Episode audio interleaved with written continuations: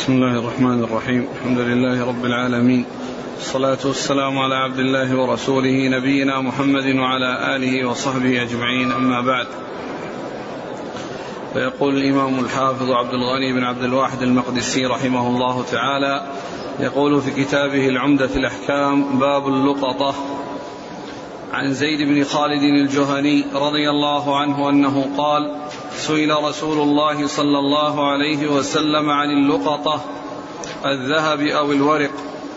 فقال اعرف وكاءها وعفاصها ثم عرفها سنة فإن لم تعرف فاستنفقها ولتكن وديعة عندك فإن جاء طالبها يوما من الدهر فأدها إليه وسأله عن ضالة الإبل فقال ما لك ولها؟ دعها. فإن معها حذاءها وسقاءها ترد الماء وتأكل الشجر حتى يجدها ربها.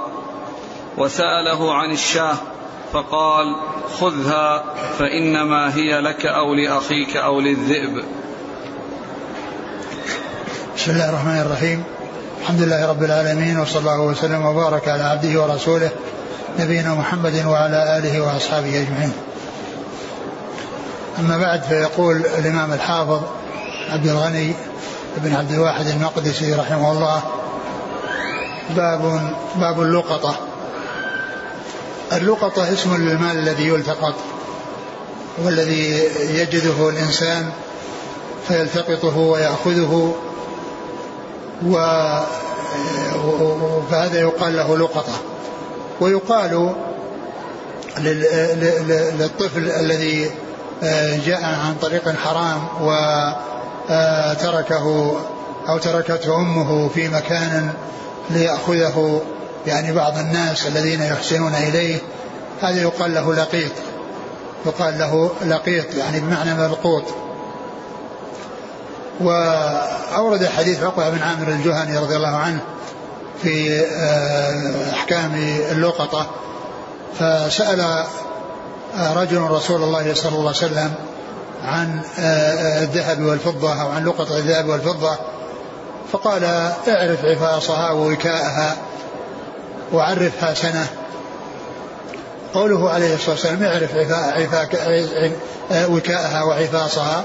المراد بالعفاص هو الوعاء الذي تكون فيه من كونه خرقة أو كونه جلد أو كونه يعني حديد أو أي نوع من أنواع الأشياء التي تحفظ بها الأموال التي توضع فيها النقود اعرف عفاصها ووكاءها. وكاءها إذا كانت من, من الأشياء التي هي تقبل الوكاء مثل الجلد ومثل الخرقة القماش وكذلك أيضا بالنسبة للحديد إذا كان هناك قفل أو ما إلى ذلك من الأشياء التي آه، آه، توضع على الحديد أو على الشنط من الحديد فإن كل ذلك يعرفه الإنسان وحتى آه، إذا جاء صاحبها في مدة سنة وهو وعرفها بهذا الوصف الذي هي عليه فإنها تدفع له بدون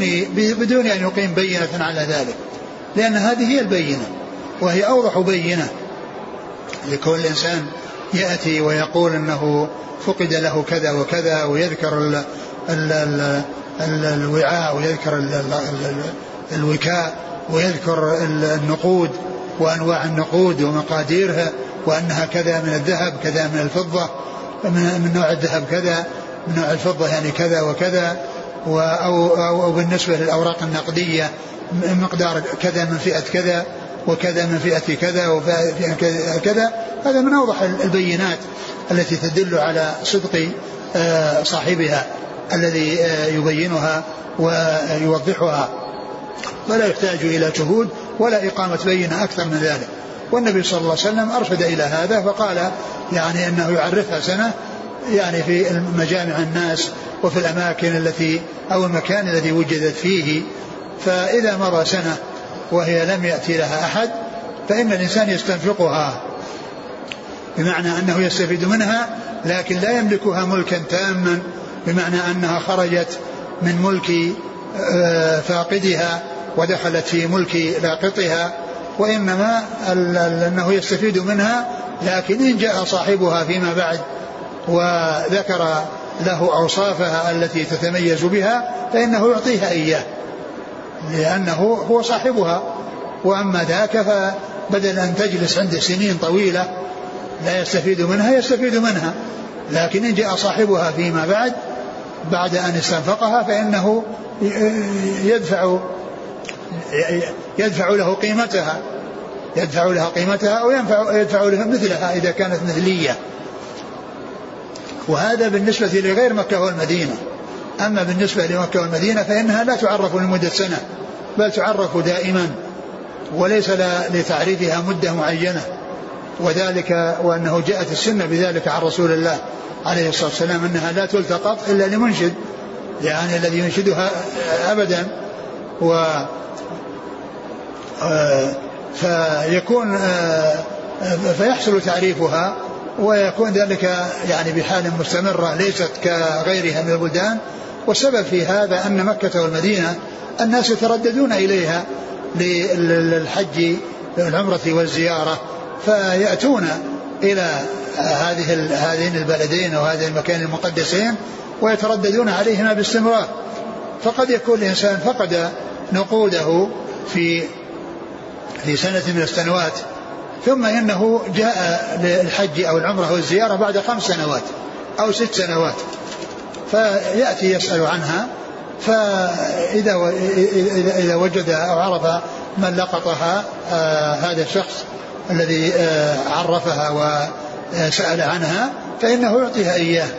وكذلك أيضا من من أحسن الطرق التي آه تتخذ في هذا كون مكة والمدينة فيهما أماكن لحفظ الأشياء الضائعة التي يحفظونها فيأتي الذي فقد آه، شيئا من المال ويأتي إلى هذه الجهة يسألها فيجد الجواب عندها.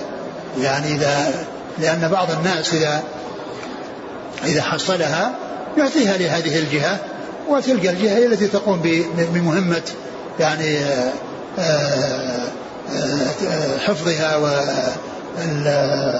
والإبقاء عليها حتى يأتي صاحبها.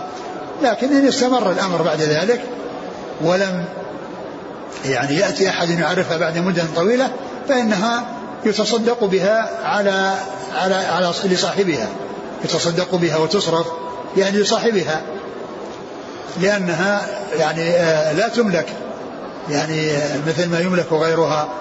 وإنما إذا بقيت مدة طويلة و يعني طويلة آه، ولم يأتي أحد فإنها يتصدق بها عن صاحبها وهذا يكون مصرفها. هذا ما يتعلق بالذهب والفضة وكذلك ما يقوم مقام الذهب والفضة من الأمور التي التي الأوراق النقدية وغيرها. ثم إنه سأله عن آه، ضالة الإبل سأله عن ضالة الإبل. فالرسول عليه الصلاة والسلام قال ما لك ولها؟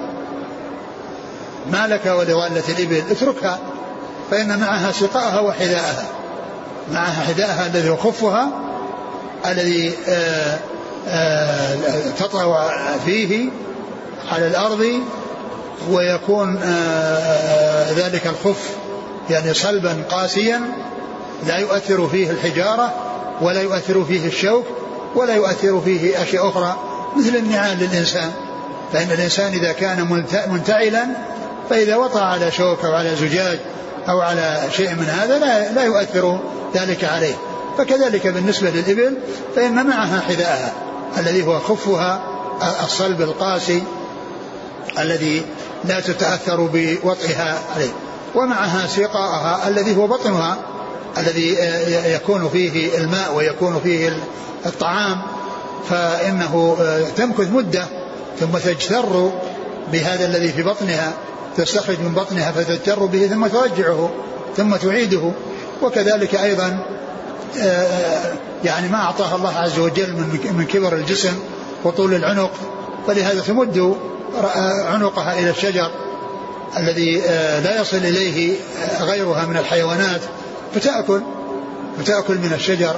ولهذا قال يعني في الحديث ما لك ولها مع سقاؤها وحذاؤها ترد الماء وتأكل وتأكل الشجر. ترد الماء يعني وإن كان مسافة بعيدة فإنها تأخذ لها مدة تمشي حتى تصل إليه وكذلك أيضا تأكل من الشجر الذي لا يصل إليه غيرها من الحيوانات لما ركب الله عز وجل فيها من طول العنق الذي يصل إلى الأرض فتشرب وهي واقفة وكذلك أيضا آه، ترفعه إلى الشجر وتأكل منه. فليس هناك أمر يقتضي آه، كونها تلتقط بل تترك. وسأله عن ضالة الغنم فقال هي لك أو لأخيك أو للذئب يعني معناه أن الإنسان يأخذها ويحتفظ بها فإما أن آه، يمسكها أو أنه يبيعها ويعرف قيمتها ويستفيد منها وإذا جاء صاحبها فيما بعد أعطاه إياها إن كانت موجودة وإلا أعطاه قيمتها. وقوله صلى الله عليه وسلم خذها يعني معناها أنك إذا لم تأخذها فقد تكون من نصيب الذئب. فقد تكون من نصيب الذئب لأنها لا تمتنع منه.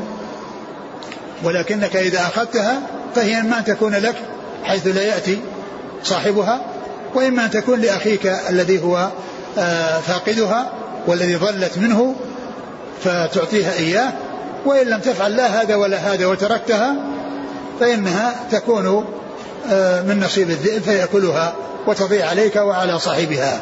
فأرشده النبي صلى الله عليه وسلم إلى أخذها وهي آه، بعد أخذها إما أن تكون له حيث لا يأتي من يسأل عنها وحيث يعرفها ولا يأتي أحد يسأل عنها أو أو تكون لأخيه عندما يأتي ويسأل عنها. نعم. قال رحمه الله تعالى باب الوصايا. عن ابن عمر رضي الله عنهما أن رسول الله صلى الله عليه وسلم قال ما حق امرئ مسلم له شيء يوصي فيه يبيت ليلتين إلا ووصيته مكتوبة عنده. زاد مسلم. قال ابن عمر ما مرت علي ليلة منذ سمعت رسول الله صلى الله عليه وسلم يقول ذلك إلا وعندي وصيتي. ثم قال باب باب الوصايا. آه، باب الوصايا؟ نعم. باب الوصايا. آه، الوصايا تطلق إطلاقا عاما وإطلاقا خاصا. فتطلق إطلاقا عاما على كل وصية. يعني فيها آه، توصية بخير وتحذير من شر هذا يقال له وصية. وأن هذا صراط مستقيم فاتبعوه ولا تتبعوا السبل وتفرق بكم عن سبيله ذلكم وصاكم به. ذلكم وصاكم به لعلكم تتقون. فيأتي ذكر الوصية بهذا المعنى العام الذي هو الوصية بكل خير والوصية بما آه، آه، فيه ترغيب وما فيه ترهيب. ترغيب في شيء أو ترهيب من شيء. وتطلق إطلاقا خاصا وهو ما آه، يجعله الإنسان آه، في وجوه البر بعد موته. يعني بحيث إذا كتب وصيته يوصي بالثلث أو ما دون الثلث ويجعله في أعمال أعمال الخير ووجوه الخير. فهذا هو الإطلاق الخاص وهذا هو الذي يأتي في كتب الفقه وفي كتب الحديث بعنوان كتاب الوصايا أو باب الوصايا. فإنه يراد به هذا النوع الخاص الذي هو آه، تعيين شيء آه، يصرف في وجوه الخير بعد موت الإنسان الذي وصى. والوصية إنما تكون تكون آه، يعني تكون فيما بعد الموت وتكون لما بعد الموت. وللإنسان أن أن يعدل في وصيته وأن يغير يعني لأن لأن هذا شيء له. ليس معنى ذلك أنه إذا وصى وصية على أنه يكون كذا بعد الموت يعني الثلث آه أنه لا يغير ولا يبدل لا بل له أن يغير ويبدل. له أن يغير ويبدل بحيث يعني يجعل إذا كان ثلث نقصه وإذا كان آه يعني آه عين جهة معينة يذكر جهات أخرى أو يبدل جهة بجهة فله ذلك. فإذا هذا هو المقصود بالوصايا. والرسول وأورد هذا الحديث عن ابن عمر رضي الله تعالى عنهما أن في فيما يتعلق بالوصية قال عليه الصلاة والسلام ما حق امرئ مسلم يبيت ليلتين ليلة أو ليلتين إلا وصيته مكتوبة عنده. إلا وصيته مكتوبة عنده يعني هذا فيه الترغيب إذا كان عنده شيء يريد أن يوصي به. إذا كان عنده أن يريد شيء يريد أن يوصي به. والأمور التي يوصى بها منها ما هو مستحب وهو الوصية هذه التي هي كونه يجعل بعد وفاته ليست بواجبة له أن يوصي وله أن يترك الوصية ويجعل المال كله للورثة ولا يعني يجعل. ومن المعلوم أن الورثة وإيصال الخير إليهم ولا شك أنه من باب الإحسان إليهم. ولا شك أنه من باب الإحسان إليهم ولكن الوصية هي مستحبة إذا أراد أن يجعل شيئا من ماله الثلث أو دونه آه، يصرف في وجوه الخير فهذا مستحب وسائق. لكنه ليس بواجب للإنسان أن لا يوصي وأن يكون المال كله للورثة ليحسن إليهم ولا سيما إذا كان المال قليلا فيعني يعني ينفعهم به. وقد جاء في الحديث أن الإحسان إلى القريب يعني صدقة وصلة. الإحسان إلى القريب صدقة وصلة. ولهذا النبي صلى الله عليه وسلم في حديث آه، سعد بن وقاص الذي سيأتي لما قال له الثلثين ثم الثلث ثم آه، ثم نصف ثم ثلث. قال له الثلث والثلث كثير. قال إنك أن تذر ورثة أغنياء خير من أن تذرهم عالة يتكففه الناس. يعني يكون الإنسان يجعل أولاده يعني بعده يعني في عندهم كفايتهم وعندهم شيء يفيدهم.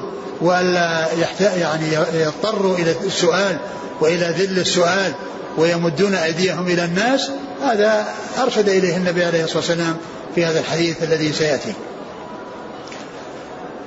و وإما إذا كان هناك يعني تكون واجبة يعني فيما إذا كان هناك ديون يعني ديون عليه فإن عليه أن يكتبها إذا كان ما هناك وثائق أو ما يعلم أن هناك وثائق يعني تدل عليها وإنما هي مثلا قروض استقرضها ولا يعلم ذلك إلا الله عز وجل فإنه يكتب أن عندي لفلان كذا وعندي لفلان كذا وعندي لفلان كذا حتى يوفى دينه.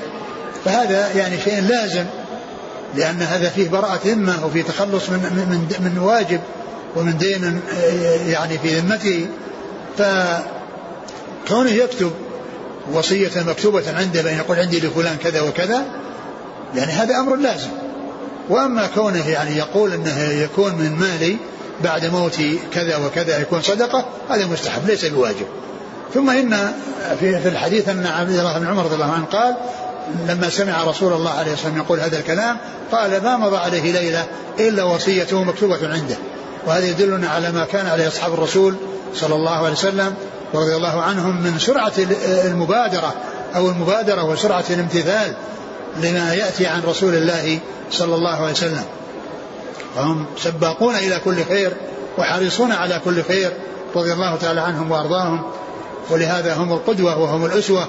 وهم خير الناس وهم أفضل الناس ما كان يعني بعد الأنبياء والمرسلين مثلهم ما كان مثلهم ولا يكون مثلهم لأن آه، خير أمة أخرجت للناس أمة رسول الله صلى الله عليه وسلم وخيرها أصحاب رسول الله عليه الصلاة والسلام ورضي الله تعالى عنهم وأرضاهم. نعم.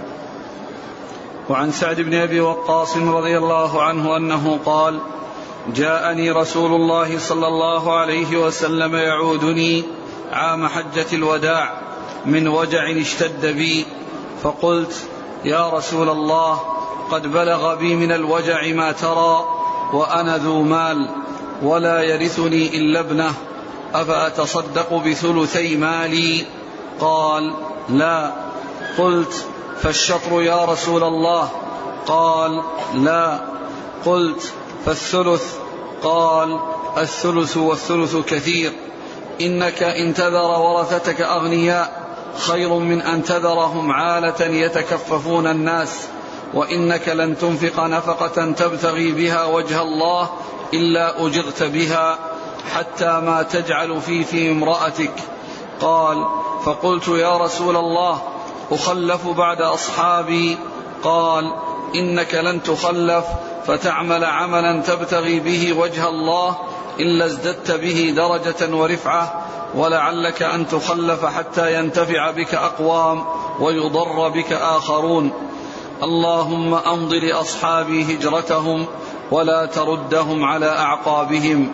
لكن البائس سعد بن خولة يرثي له رسول الله صلى الله عليه وسلم أن مات بمكة. ثم ذكر هذا الحديث عن سعد بن وقاص سعد بن أبي وقاص رضي الله عنه. أحد العشرة المبشرين بالجنة. أنه مرض في حجة الوداع مع رسول الله عليه الصلاة والسلام واشتد به المرض فعاده رسول الله عليه الصلاة والسلام. وهذا يدل على عيادة المريض وعلى ما كان عليه الرسول عليه الصلاة والسلام من التفقد لأصحابه ويعني زيارة مريضهم وعيادة مريضهم وما كان عليه الرسول عليه الصلاة والسلام من الأخلاق الكريمة. و فكان جاء إلى سعد بن وقاص يعوده فسأله قال إنك ترى ما يعني ما بي من الوجع وإن عندي مال كثير ولا يرثني إلا ابنه. يعني إنه لا يرثه الا ابنه يعني يعني بالميراث الميراث بالتقدير. وإلا فإن سعدا من من قبيله ومن عشيره وله أقرباء. يعني ليس المقصود أنه ليس له ورثة. يعني ولكن في ذلك الزمان الذي يرثه ابنه وهي معلوم ان إنها فرضها النصف. إن البنت فرضها النصف والباقي يكون للعصبة. ف فقال للنبي عليه الصلاة والسلام إن عنده مال كثير ولا يرثه إلا ابنه فهو يريد أن يتصدق يعني بشيء من ماله وأن يوصي بشيء من ماله.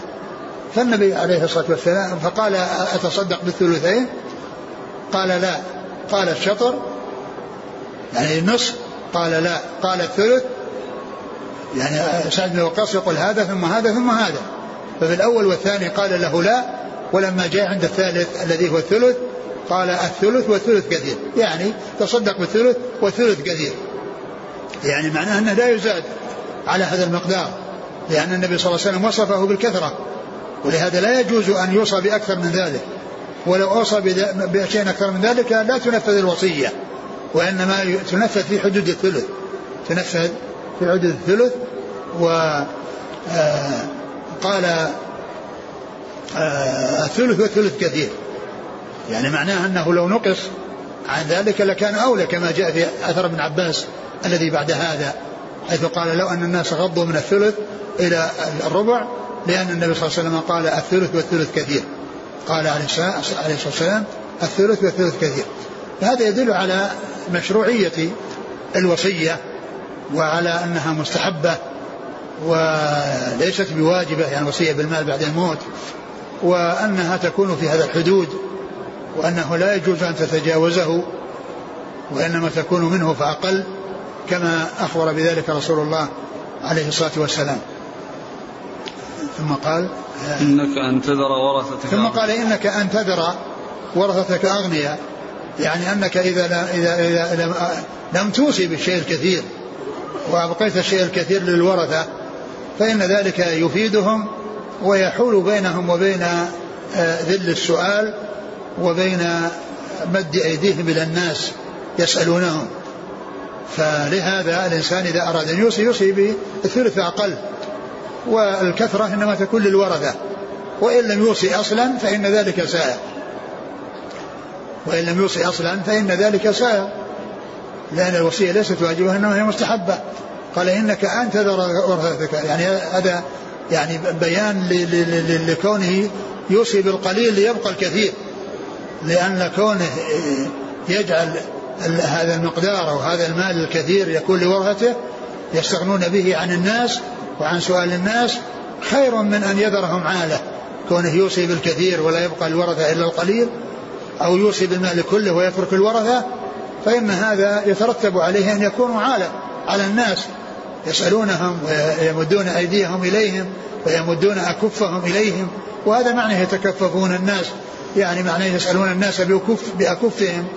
والنبي صلى الله عليه وسلم قال اليد العليا خير من اليد السفلى. اليد العليا هي المنفقة والسفلى هي الآخذة. فكونهم يكونون بهذا الوصف ويحتاجون إلى الناس لا ينبغي للإنسان أن يعرض أولاده لهذه الطريقة أو لهذه الهيئة الغير الحسنة والغير الجيدة. إنك أن تذر غنيا خير من أن تذرهم عالة يتكففون الناس.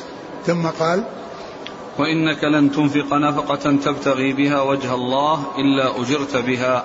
وأنك إنك إن تنفق نفقة تبتغي بها وجه الله يعني فإنك تؤجر عليها. أي أي نفقة ينفقها الإنسان على أولاده أو على زوجته أو على أي أحد من أقاربه ممن تجب عليهم نفقته إذا كان يريد بذلك وجه الله فإنه مأجور على ذلك ولو كان يؤدي واجبه. ولو كان يؤدي واجبه. ليس معنى ذلك أن الإنسان إذا كان عليه شيء واجب وما في أجر لا في أجر ولو كان.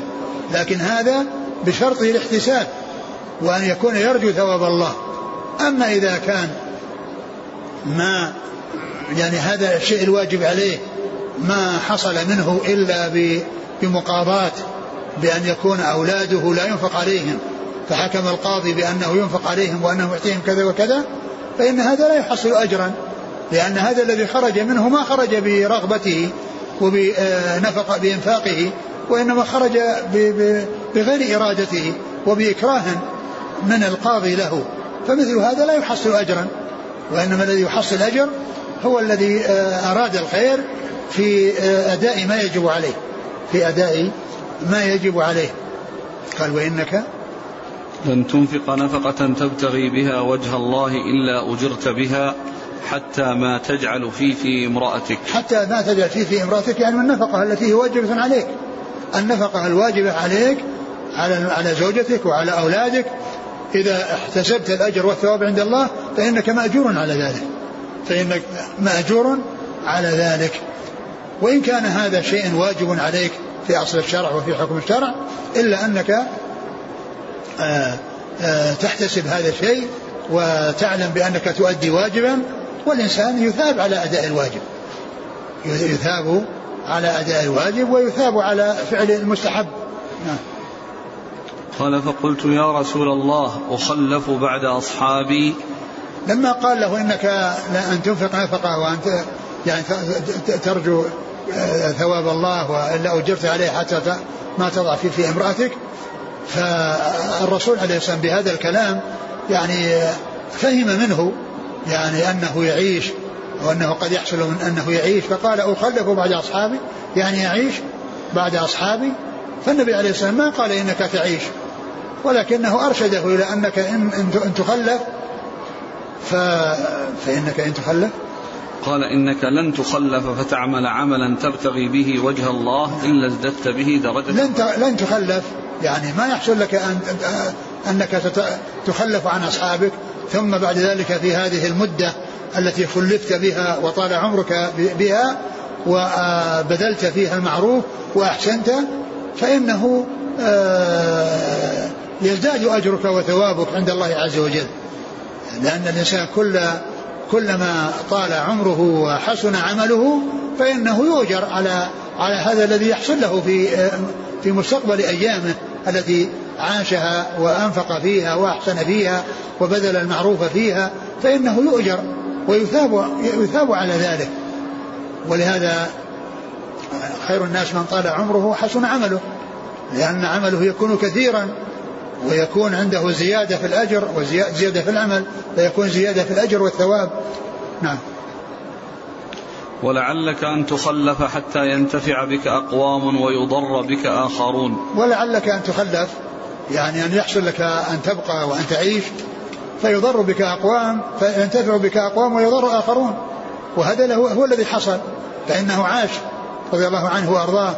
وقاد الجيوش لقتال الفرس ويعني انتصر حصل الانتصارات للمسلمين على يديه وحصل الإضرار بالكفار. فانتفع به أناس وتضرر به آخرون وتحقق ما أخبر به الصادق المصدوق صلوات الله وسلامه وبركاته عليه. من أنه يحصل الانتفاع بما يستقبل من أيامه إن إن إذا عاش ويحصل التضرر من آخرين بسببه. وبالجيوش التي آه، قادها وكانت تحت إمرته وتحت توجيهه وإرشاده. نعم. اللهم أمض لأصحابي هجرتهم ولا تردهم على أعقابهم.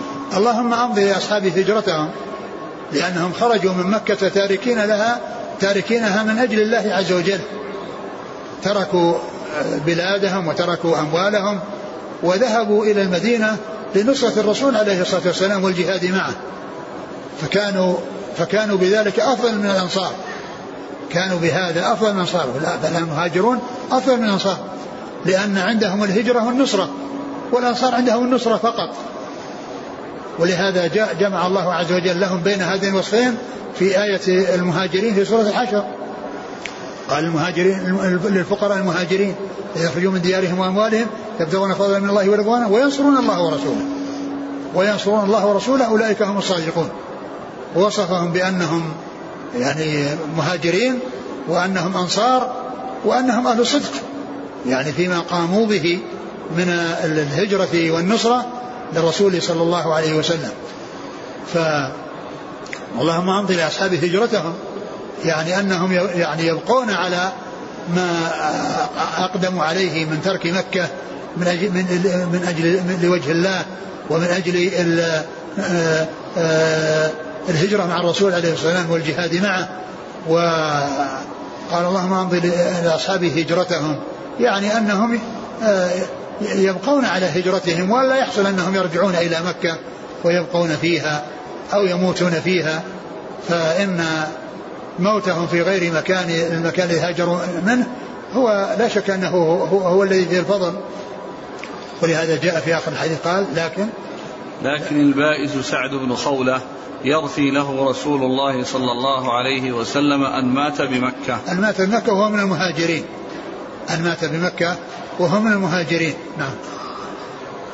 وعن عبد الله بن عباس رضي الله عنهما أنه قال: لو أن الناس غضوا من الثلث إلى الربع فإن رسول الله صلى الله عليه وسلم قال الثلث والثلث كثير. ثم ذكر هذا الأثر عن ابن عباس. قال لو أن الناس غضوا يعني عندما يوصون يجعلون الربع أو يجعلون الخمس أو يجعلون شيئا أقل من الثلث.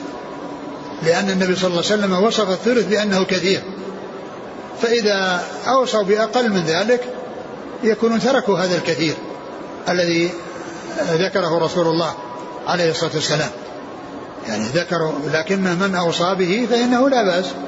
لكن إذا غض الناس أو نقصوا من الثلث إلى ما دونه لأن النبي صلى الله عليه وسلم وصف الثلث بأنه كثير قال أن هذا هو الأولى. وهذا يعني تمني يعني يعني من ابن عباس لو أن الناس غضوا يعني أنه يتمنى أن الناس يغضون وأنهم ينقصون لأن النبي صلى الله عليه وسلم لما ذكر الثلث قال الثلث والثلث كثير. نعم. قال رحمه الله تعالى باب الفرائض. عن عبد الله بن عباس رضي الله عنهما عن النبي صلى الله عليه وعلى آله وسلم أنه قال ألحق الفرائض بأهلها فما بقي فهو لأولى رجل ذكر. وفي رواية اقسموا المال اقسموا المال بين أهل الفرائض على كتاب الله فما تركت الفرائض فلأولى رجل ذكر. ثم قال باب الفرائض. والفرائض تطلق إطلاقا عاما وتطلق إطلاقا خاصا كالوصايا.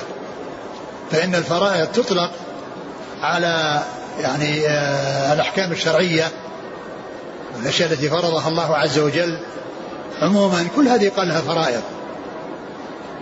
وتطلق إطلاقا خاصا وهو على قسمة المواريث وعلى مقدار وعلى المواريث. وهذه المواريث أيضا منها ما هو يعني مقدر ومنها غير مقدر. والمقدر يقال له فرائض. يعني هذا اطلاقا أخص من إطلاق الفرائض الذي يشمل الفرض والتعصيب. لأن الفرض والتعصيب كله فرائض فرضها الله عز وجل. لكن هناك أمور مقدرة هذه توصف بأنها فرائض. ولهذا في الحديث هنا أراد بالفرائض المقدر. يعني الثلث والربع والنصف ثلثان والثمن يعني أشياء مقدرة. قل الحق الفرائض يعني المقدرة؟ فما أبقت الفرائض فلأولى رجل ذكر اللي هو التعصيب. فإذا ذكر الفرائض يطلق ثلاثة إطلاقات. إطلاق عام يشمل كل ما فرضه الله عز وجل في المواريث وغير المواريث. ولهذا عمر بن الخطاب رضي الله عنه لما عين أميرا على مكة وجاءه آه، سأله قال من من وليت على أهل مكة؟ من وليت على أهل مكة؟ يعني في حال غيبتك. فقال وليت عليهم ابن أبزة قال ومن ابن أبزة قال مولى من الموالي. قال وليت عليهم مولى؟ قال نعم يا أمير إنه عالم بكتاب الله عارف بالفرائض. إنه عالم بكتاب الله عارف بالفرائض عالم بالفرائض. يعني الفرائض المقصود من ذلك الأحكام الشرعية. يعني عنده فقه يعني عنده علم بالكتاب والسنة. فهذه مسوغات الاختيار. هذه هي مسوغات الاختيار التي جعلت يعني هذا الأمير لعمر يختار من يقوم مقامه لكونه متصف بالعلم وعنده آه، علم بالكتاب وعلم بالفرائض التي فرضها الله عز وجل. كذلك حين الله فرض فرائض فلا تضيعوها فإن المقصود ذلك آه، آه، الأمور العامة. وتطلق الفرائض يعني ويراد بها المواريث سواء ما كان منها مقدرا وغير مقدر. ولهذا عندما يذكرون كتاب الفرائض وباب الفرائض يذكرون الإثم بالفرض والإثم بالتعصيب. والإثم بالتعصيب هو من الفرائض التي فرضها الله عز وجل. ويطلق على الفروض المقدرة فقط التي هي لها مقدار معين الثلثان والثلث والسدس النصف والربع والثمن. هذه مقدرة. والذي جاء في الحديث ذكر الفرائض هنا يراد به المقدر. قوله عليه الصلاة والسلام ألحق الفرائض بأهلها أي فرائض مقدرة. وما أبقت الفرائض؟ الذي هو يعني خارج عن الفروض يكون لأول رجل ذكر اللي هو التعصيب.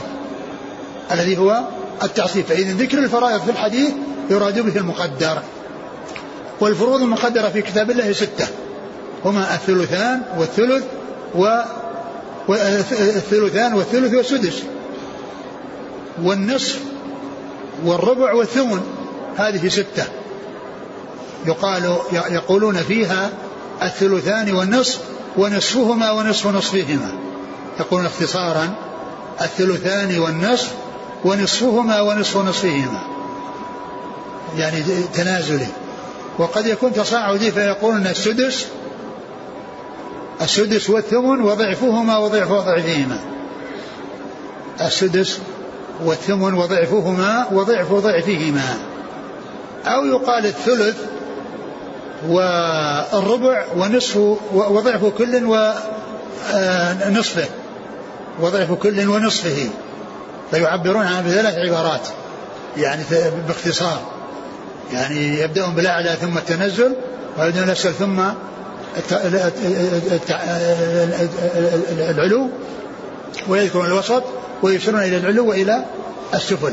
فهذه هي الفروض المقدرة في كتاب الله عز وجل. و آه، وجاء فيما يتعلق بغير المقدر التعصيب. والتعصيب يكون بالنفس ويكون بالغير ويكون مع الغير. والتعصيب بالنفس هو خاص بالذكور وقد يكون معهم الإناث إذا كانوا في درجتهم مثل مثل البنات مع البنين وبنات الإبن مع بني الإبن والأخوات الشقيقات مع الأخوة الأشقة والأخوات لأب مع الأخوة لأب فإن هؤلاء يكونون عصبة بالغير يعني يكون عصبة مع غيرهم. وأما الذي آه، يرث بالتعصب النفس هم, هم, هم الذكور الذين هم يعني يعني عصبة كالأب والجد وكالإبن كالإبن وابن الإبن والأخ الشقيق والأخ لأب والعم الشقيق والعم لأب وابن العم الشقيق وابن العم لأب وهكذا. فإن هؤلاء يقال لهم عصبة يأخذون ما أبقت الفروض إن كان هناك فروض وإن لم يكن هناك أصحاب فروض فإنهم يأخذون المال كله. يعني إن كان هناك أصحاب فروض مقدرة أخذوا ما بقي وإن كان لم يكن هناك أصحاب فروض مقدرة فإنهم يأخذون المال كله يأخذون المال كله. فهناك عصبة من نفس يعني كالأب والجد والابن وابن الابن والأخ الشقيق والأخ لأب والعم وابن الأخ وابن الشقيق والأخ لأب والعم الشقيق والعم لأب والابن العم الشقيق والعم لأب كل هؤلاء من أصحاب من أصحاب التعصيب بالنفس. والذين يعني تشترك معهم أخواتهم أربعة الذين هم الأبناء وأبناء الأبناء والإخوة الأشقة والإخوة لأب هؤلاء يقال أنهم عصبة يقال لأخواتهم معهم بأنهن عصبة بالغير لأنهن لو لم يوجد لهم أخوة فرض لهن. لو لم يوجد ذكور فإنه يفرض لهن. فالبنت يفرض لها والبنات يفرض لهن وبنات الإبن يفرض لهن إذا كان معهم ليس معهم ذكور والإخوة الأشقة كذلك والإخوة لأب كذلك. نعم. يفرض لهن الأخوات. نعم الأخوات يفرض لهن مع مع إخوانهن. يفرض لهن مع إخوانهن. الأخوات الشقيقات ولأب وكذلك البنات وبنات الإبن هؤلاء يفرض لهن فيكون عصبة بالغير. ليس عصبة بأنفسهن وإنما عصبة بغيرهن. ويكون عصبة مع الغير وهن البنات مع الأخوات مع البنات. الأخوات الشقيقات أو لأب مع البنات. فإن فإنهن يعني إذا وجد بنت وأخت شقيقة وأخ لأب فإن الأخت الشقيقة هي التي ترث والأخ لأب لا يرث. لأنها لأنه جاء في السنة ما يخصص هذا العموم في قوله الحق الفرائض بأهلها فما أوقت الفرائض فلا ذكر وهو الحديث الذي فيه النبي أعطى البنت النصف والأخت الشقيقة آه، آه، النصف أي الباقي. فإنها يكون هذا عصبة مع الغير ولهذا يقال الأخوات مع البنات عصبات. الأخوات مع البنات عصبات يعني بالغير مع الغير. والنساء لا يكون عصبة للنفس إلا بالنسبة في, في, في, في, في الولاء وفي العتق. يعني اللي هو أن, أن المعتقة ترث بنفسها وتكون عصبة بنفسها. ولهذا يقول آه يقول آه الرحبي في الرحبية وليس في النساء طرا عصبة إلا التي منت بعتق الرقبة. يعني ليس في النساء جميعهن من هي عصبة بنفسها إلا التي منت بعتق الرقبة التي هي المعتقة. إذا ثم إن القرآن الكريم جاء فيه ثلاث آيات. يعني في سورة النساء. الآية الأولى يوصيكم الله في أولادكم. وهذه لعمودي النسب. يعني الأصول والفروع. هذه آية العمودين. الأصول والفروع. ذكر الآباء والأمهات والبنين والبنات. والآية الثانية هي للذين لا يكونون عصبة أبدا وهم الإخوة لأم والإخوة والزوج والزوجة. فإن هؤلاء أصحاب فروض لا يتجاوزونها أبدا. لأن الإخوة لأم أصحاب فروض مقدرة والزوج والزوج أصحاب فروض مقدرة. فهي آية الآية التي فيها من لا يرث إلا بالفرض ولا يمكن أن يرث بالتعصيب. الذين هم الزوج والزوجة والأخوة لأم. ثم الآية الأخيرة التي في سورة في في ختام سورة النساء التي هي آية الكلالة هي في الإخوة الأشقة والإخوة لأب. الإخوة الأشقة والإخوة لأب. وميراث الإخوة الأشقة والإخوة لأب هو على طريقة ميراث الأبناء والبنات. نعم. فلأولى ولقوله فلأولى رجل ذكر يعني أول أقرب يعني. أقرب رجل ذكر. والأقربية يعني تكون مثلا الإبن اللي هو الفرع الوارث ثم الأصل الوارث الذي هو الأب والجد ثم الأخ الشقيق ثم الأخ لأب ثم بالأخ الشقيق ثم بالأخ لأب ثم العم الشقيق ثم العم لأب ثم بالعم الشقيق ثم بالعم لأب. يعني فيكون آه إذا اجتمع عصبة كل منهم عاصب فإنه يكون الحق لأولى رجل ذكر. وقوله ذكر يعني بعد قوله رجل يعني للإشارة إلى أن الرجل يعني في الغالب يراد به الذي عنده قدرة وعنده نشاط وأنه الذي بلغ مبلغ الرجال. لكن جاء ذكر الذكر ليبين أن الأمر آه، آه، متعلق بالذكورية. وسواء كان رجلا أو غير رجل يعني سواء كان كبيرا أو صغيرا. حتى الطفل حتى الحمل الذي يكون في البطن فإنه آه، يرث بهذا الوصف الذي هو الذكورية.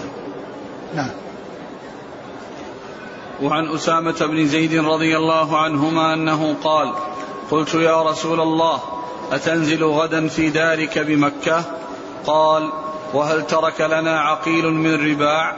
ثم قال لا يرث لا يرث الكافر المسلم ولا المسلم الكافر. ثم لما ذكر عن أسامة بن زيد أن النبي صلى الله عليه وسلم أنه قال لأنه أتنزل بدارك مكة. قال وهل ترك, لنا عقيل من دور أو من رباع؟ الرباع يعني المقصود به ال ال ال ال الأماكن أو الدور أو الأشياء التي يعني هذا الربع يعني المنزل والمنازل. ف وكان آه، يعني أبو طالب يعني عندما يعني ذهبوا يعني أخذ يعني يعني الأموال وأنه لما مات يعني ورثه آه، آه، الكافران من أولاده وهما طالب وعقيل. يعني لما مات ورثه يعني عقيل وطالب وكان كافرين. وطالب يعني مات على الكفر وعقيل أسلم. ولكنه هو الذي بقيت به المال لأن لأنه حصله في حال كفره ثم إنه أسلم فصارت من اختصاصه وصارت يعني بيده. فقال وهل ترى لك لنا عقيل من دور ثم قال لا يرث المسلم الكافر ولا الكافر المسلم. لأن يعني لأن أبا طالب ورثه ابناه الكافران وأبناه المسلمان لا يرثانه. وهما وهما علي وجعفر علي وجعفر رضي الله عنهما يعني مسلمين فلم يكونا وارثين. والذين ورثاهم الكفار. ولهذا قال النبي صلى الله عليه وسلم لا يرث المسلم الكافر ولا الكافر المسلم. يعني أن صلة يعني من من حيث التوارث فإنها منقطعة بين المسلمين والكفار. فلا يرث الكافر المسلم ولا المسلم الكافر وإنما يرث الكافر الكافر والمسلم المسلم. ولا توارث بين المسلمين والكفار. فهذا فيه دليل على مانع من موانع الإرث وهو الكفر. وما وما وموانع الإرث ثلاثة. ال آه، الكفر والقتل والرق. يعني فلا يعني توارث أو هذه هي الثلاثة الأسباب أو الموانع التي تمنع الميراث. التي تمنع الميراث. فالرق والكفر والقتل. نعم. وعن عبد الله بن عمر رضي الله عنهما أن النبي صلى الله عليه وسلم نهى عن بيع الولاء وهبته. ثم ذكر هذا الحديث عن ابن عمر وهو يتعلق بالولاء. والولاء هي العصوبة التي هي ك يعني النسب يعني شيء ثابت مستقر سببه العتق. فإن من اعتق رقيقا فإنه يكون عصبة له بالولاء. يعني يرث بعد انتهاء العصبة بالنسب لأنه لا ميراث للولاء مع وجود النسب. لكن إذا فقد من يرث بالولاء بالنسب بالتعصيب فإن المعتق يرث بالولاء يرث بالولاء. والولاء قالوا لحمة كلحمة النسب وهو عصوبة لا يباع ولا يورث ولا يوهب. لا يباع ولا يوهب. يعني ما معلوم إنه يورث لأنه يعني كونه يعني الأولاد يرثون الولاء ويكون يعني لهم الولاء إذا مات المعتق فإن الولاء يكون لأولاده فهو لا يباع ولا ولا ولا نهى عن بيع الولاء وهبته نهى, نهى عن بيع الولاء وهبته الحديث نهى عن بيع الولاء وهبته يعني كل إنسان يبيع يعني ولاءه لعتيقه الذي اعتقه أو يهبه لغيره لأن هذا من جنس النسب لا يباع ولا يوهب. أن النسب شيء ثابت مستقر لا يتصرف فيه أحد فكذلك الولاء لا يتصرف فيه كما لا يتصرف في النسب. فنهى عن بيع الولاء وهبته. يعني والولاء هو النعمة أو العصوبة أو التي حصلت بسبب العتق فإنه حق خاص بالمعتق لا ينتقل إلى غيره ببيع ولا هبة. نعم.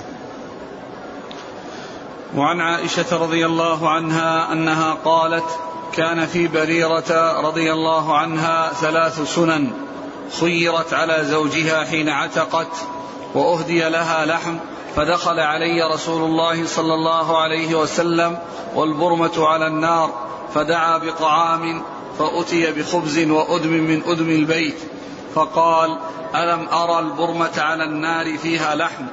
فقالوا بلى. بلى يا رسول الله ذلك لحم تصدق به على بريرة فكرهنا أن نطعمك منه. فقال هو عليها صدقة وهو منها لنا هدية. وقال النبي صلى الله عليه وسلم فيها إنما الولاء لمن أعتق. ثم ذكر هذا الحديث عن عائشة وهي أن مولاتها بريرة رضي الله عنها جاء فيها ثلاث سنن. جاء فيها ثلاث سنن كانت آه، تحت مغيث زوجها وهما يعني رقيقين. فعتقت فخيرت أن تبقى يعني تحت زوجها وهو لا يزال رقيقا أو أنها تتركه ولا يبقى يعني له زواج عليها. خيرت بذلك. فهذه سنة عرفت بما حصل لبريرة. وثبتت في في فيما حصل لبريرة ف يعني فإنها خيرت ولهذا الزوج الرقيقان الزوج والزوجة إذا عتقت الزوجة فإنها تخير وأما يعني إذا عتق يعني الزوج فإنه لا خيار للمملوكة لأن لأن العبد له أن يتزوج يعني يتزوج يعني كونه يعني يحصل منه يعني كون الرقيقة يعني تحته وهو حر لأنه جاء أن من لا يستطيع الحرة إلا هو يتزوج الأمة كما جاء في القرآن. فكونها يعني هي تخير وهو لا يلزم بطلاقها. إذا يعني أو لا تطالب ب ب ب ب يعني يلزمه لأنه يبقى على الزوجية. يعني إذا كان هو حر وبقيت فيها العبودية هذا سائر ولا يقال إنه يلزمه بل جاءت السنة وجاء القرآن دالا على أن من لم يستطع الزواج بالحرة فله أن يتزوج بالأمة. فله أن يتزوج بالأمة. فكون الأمة تكون تحت حر هذا جاء في القرآن. وأما فيما يتعلق بكون الزوج عبد والأمة هي التي عتقت هذا هو الذي حصل لبريرة وخيرت فاختارت فراقه. وكان يحبها والنبي صلى الله عليه وسلم شفع لها عنده شفع يعني له عندها. فقالت تأمرني؟ قال إنما أنا شافع. قالت لا حاجة لها به لأنها تبغضه وهو يحبها. ثم ذكر السنة الثانية وهي؟ وأهدي لها لحم. وأهدي لها لحم. وأهدي لها لحم. يعني تصدق عليها بلحم. ومن المعلوم أن أهل البيت يعني لا تكون لهم صدقة. فتصدق عليها بلحم. وكانوا يعني يطبخ يعني في بيت الرسول صلى الله عليه وسلم. وطلب الغداء أو العشاء فقدموا له طعاما في البيت. وكان رأى البرمة وفيها لحم. قال ألم أرى أن البرمة يعني فيها لحم وهي على النار؟ قالوا نعم ولكنها آه، تصدق به على بيرة فكرهنا أن نطعمك منه. فقال عليه السلام هو لها صدقة ولنا هدية. يعني معناها أن الصدقة إذا وصلت الفقير فإنها صارت ملكا له يتصرف فيها كيف يشاء. له أن يطعمها الغني ويطعمها الفقير وله أن يطعمها يعني أهل البيت وأنهم يأكلوا منها لا بأس بذلك لأن خرجت من كونها صدقة. خرجت من كونها صدقة صارت ملكا له. ملكا لذلك الذي تصدق عليه. فإذا تصدق على فقير بصدقة وجاء يعني غني وأكل منها وجاء شريف وأكل منه فإن ذلك سائر لأنها صارت ملكا له يتصرف فيه كيف يشاء. وخرج عن وصفها بأنها صدقة. لأنها صدقة عندما وصلت إلى المستحق. ولكن خروجها من المستحق ما يقال إنها صدقة خرجت عن كونها صدقة. فهذا أيضا حصل في في قصة بريرة وهي سنة حصلت آه، لبريرة رضي الله عنها. والأمر الثالث أن أن أنه حصل بها معرفة حكم الولاء وهي أن الولاء لمن اعتق وأنه لا يكون لغيره لا بشرط ولا بغيره. وكذلك لا يكون بهبة ولا ببيع لأن النبي صلى الله عليه وسلم قصر الولاء على أنه على من أعتق. إنما الولاء لمن أعتق. فلا يكون آه، فلا يباع ولا يوهب و لا يباع ولا, ولا يوهب وكذلك أيضا لا يشترط. مثل ما حصل في قصة بريرة نفسها فإن أو يعني أهلها الذين كاتبوها اشترطوا أن يكون لهم الولاء.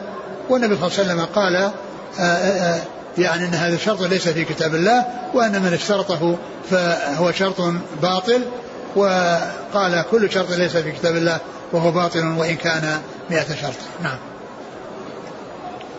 قال رحمه الله تعالى كتاب النكاح. وعن عبد الله بن مسعود رضي الله عنه أنه قال قال لنا رسول الله صلى الله عليه وسلم يا معشر الشباب من استطاع منكم الباءة فليتزوج فإنه أغض للبصر وأحصن للفرج ومن لم يستطع فعليه بالصوم فإنه له وجاء. ثم ذكر باب النكاح والنكاح يطلق على العقد وعلى الوطء وأكثر ما جاء في القرآن بمعنى العقد وقد جاء فيه بالوطء في قول الله عز وجل فإن طلقها فلا تحل حتى تنكح زوجة. زوجا غيره. فلا حتى تنكح. هنا المقصود به الوطء وليس المقصود به مجرد العقد. لأنه قد جاء في السنة في قصة امرأة رفاعة القرظي التي جاءت تستفتيه وقال أتريدين أن ترجع إلى رفاعة؟ لا حتى تذوقي عسيلته ويذوق عسيلتك. يعني معناه أنه لا يكفيه مجرد العقد بل لابد فيه من الوطء حتى تحل للزوج الثاني حتى تحل للزوج الثاني. فلو عقد عليها إنسان ولم يحصل منه جماع لها فإنها لا تحل للأول. يعني بذلك حتى يعني يحصل منه الوطء لها. قوله عليه الصلاة والسلام يا معشر الشباب المعشر معشر آه، اسم يطلق على جماعة يشملهم وصف من الأوصاف يشتركون في وصف. يقول هنا يا معشر الشباب لأنهم يشتركون في الشباب. خطاب لجماعة يشملهم هذا الوصف الذي هو كونهم شباب. مثل نقول يا معشر المهاجرين يا معشر الأنصار. يعني يجمعهم وصف الهجرة أو يجمعهم وصف النصرة وهنا يجمعهم وصف الشباب. يا معشر الشباب من استطاع منكم الباء فليتزوج؟ وهذا فيه الحث والترغيب على الزواج لمن تمكن من ذلك. يا معشر الشباب من استطاع منكم الباءة فليتزوج. لأنه من, من, من, من استطاعه فإنه يبادر إليه ولا يتأخر عنه. لما في ذلك من المصلحة والفائدة العظيمة التي بينها رسول الله عليه الصلاة والسلام بقوله بعد ذلك فإنه أغض للبصر وأحسن للفرج. فإنه أغض للبصر وأحسن للفرج.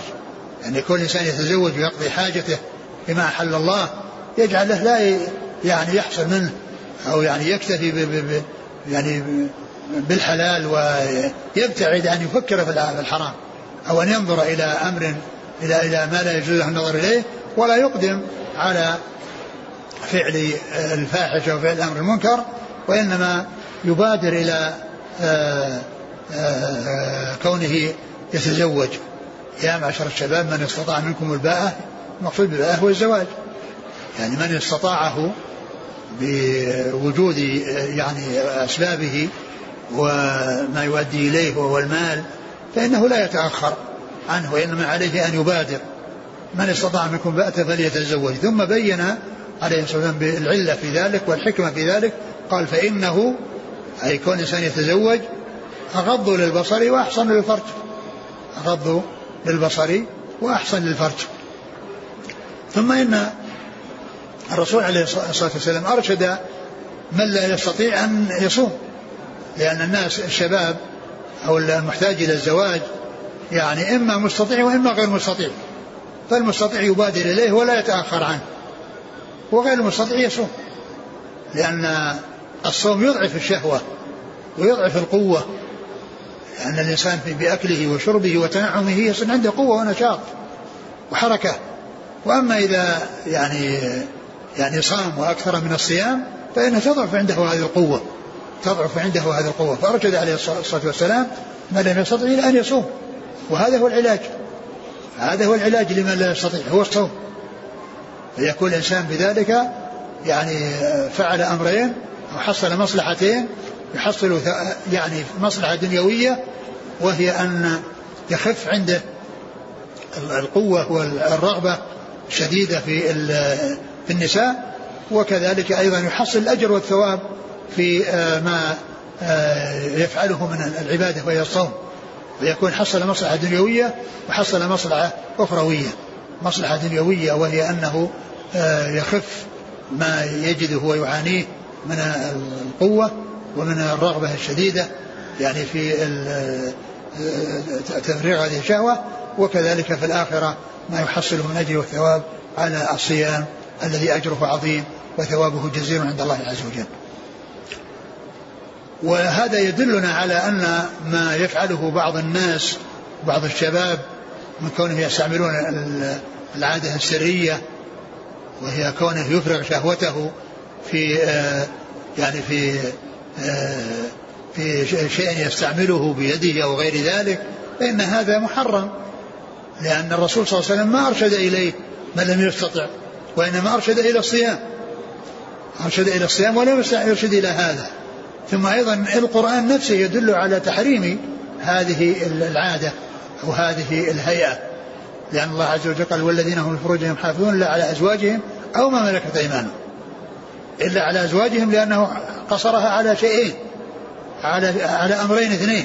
وهما الزواج وملك اليمين. إلا على أزواجهم. يعني فهم يحفظون فروجهم إلا على الأزواج. وملك اليمين. لا أزواج ملكة فإنهم غير ملومين.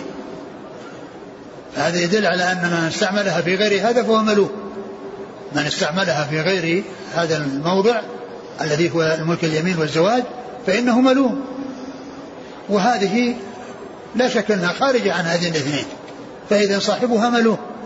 ثم قال فمن ابتغى وراء ذلك؟ يعني وراء زوجه ملك اليمين. فأولئك هم العادون. أيضا وصفهم بأنهم عادون. وأهل عدوان؟ والعادة السرية تدخل تحت هذا.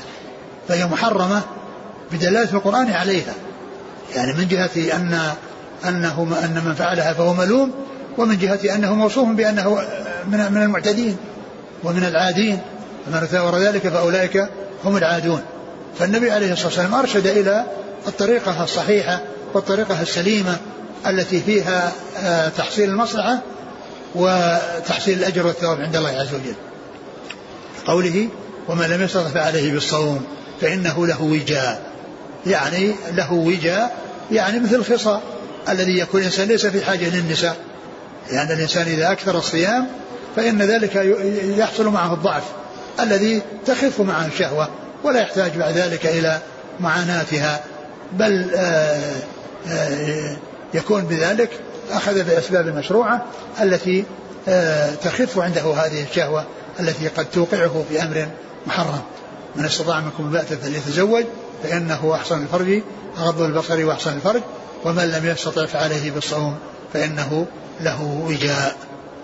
نعم. وعن أنس بن مالك رضي الله عنه أن نفرا من أصحاب النبي صلى الله عليه وسلم سألوا أزواج النبي صلى الله عليه وسلم عن عمله في السر فقال بعضهم لا أتزوج النساء وقال بعضهم لا آكل اللحم وقال بعضهم لا أنام على فراش فحمد الله وأثنى عليه وقال ما بال أقوام قالوا كذا لكني أصلي وأنام وأصوم وأفطر وأتزوج النساء فمن رغب عن سنتي فليس مني.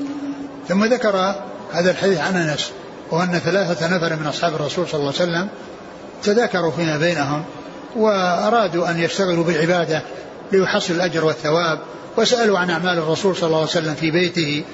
فيعني ثم إنهم قالوا الرسول صلى الله عليه وسلم غفر له ما تقدم من ذنبه وما تأخر ونحن آه، بحاجة إلى أن نعمل أعمالا صالحة ونكثر من الأعمال وننقطع للعبادة يعني حتى نحصل الأجر. والرسول صلى الله عليه وسلم وإن كانت أعماله في بيته ليس يعني أنه يصوم ابدا وليس يعني يقوم الليل كله. فواحد منهم قال إنه آه، يعني يصلي ولا ينام والثاني يصوم ولا يفطر والثاني ينقطع عن النساء ويشتغل في العبادة. فالرسول عليه الصلاة والسلام سمع بهذا ثم إنه خطب الناس وقال ما بال أقوام. وهذه عادته صلى الله عليه وسلم إذا أراد أن ينكر على أحد وهو يعرف يعني ذلك الذي يعني ينكر عليه فإنه يأتي به على وجه عام. يستفيد منه المقصود وغير المقصود. يستفيد منه المعني وغير المعني. لأنه آه، آه، يعلن ذلك على الملأ ويقول ما بال أناس يفعلون كذا وكذا؟ ما بال أناس؟ يعني يقول أحد منهم كذا وكذا أنه يصوم ولا يفطر ويصلي ولا ينام ويعتزل النساء ولا ينام على فراش. يعني معناه معناه أنه طول الليل وهو يعني وهو وهو يصلي. فقال عليه الصلاة والسلام أما أني أخشاكم؟ أما لا ما بال قوم قالوا كذا لكني أصلي وأنام وأصوم وأفطر. لكني أصلي وأنام. يعني في الليل يصلي من الليل وينام ويصوم ويفطر ويتزوج النساء ولا يعتزل النساء ولا يترك النساء وإنما يعني آه، آه، يتزوج النساء. ثم قال من رغب عن سنتي فليس مني. من رغب عن سنتي فليس مني. وهذه سنته صلى الله عليه وسلم. أنه يصلي وينام ويتزوج النساء ويصوم ويفطر. والسنة هنا يراد بها آه، أعم معانيها. لأنها يراد بها في قوله من رغب عن سنتي كل ما جاء به الرسول صلى الله عليه وسلم سواء كان واجبا أو مستحبا. سواء كان واجبا أو مستحبا لأنها داخلة تحت عموم سنته. عليه الصلاة والسلام. قال من رغب عن سنتي يعني وهي طريقته ومنهجه الذي كان عليه. فهذا أعم وأوسع معاني السنة. وتطلق السنة أيضا على آه، يعني آه، ما آه، على حديث الرسول صلى الله عليه وسلم. وهذا فيما إذا قيل الكتاب والسنة دل عليه الكتاب والسنة. فالمراد بالسنة إذا عطفت على الكتاب يراد بها خصوص حديث الرسول صلى الله عليه وسلم. وكذلك أيضا السنة يعني إذا أتيت مقابلة لبدعة أو يعني فإنه يراد بها ما يقابل البدعة.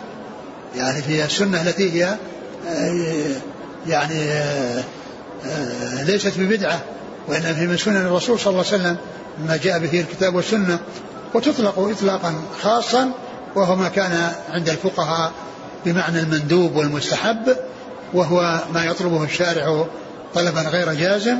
فإن هذا يقال له سنة.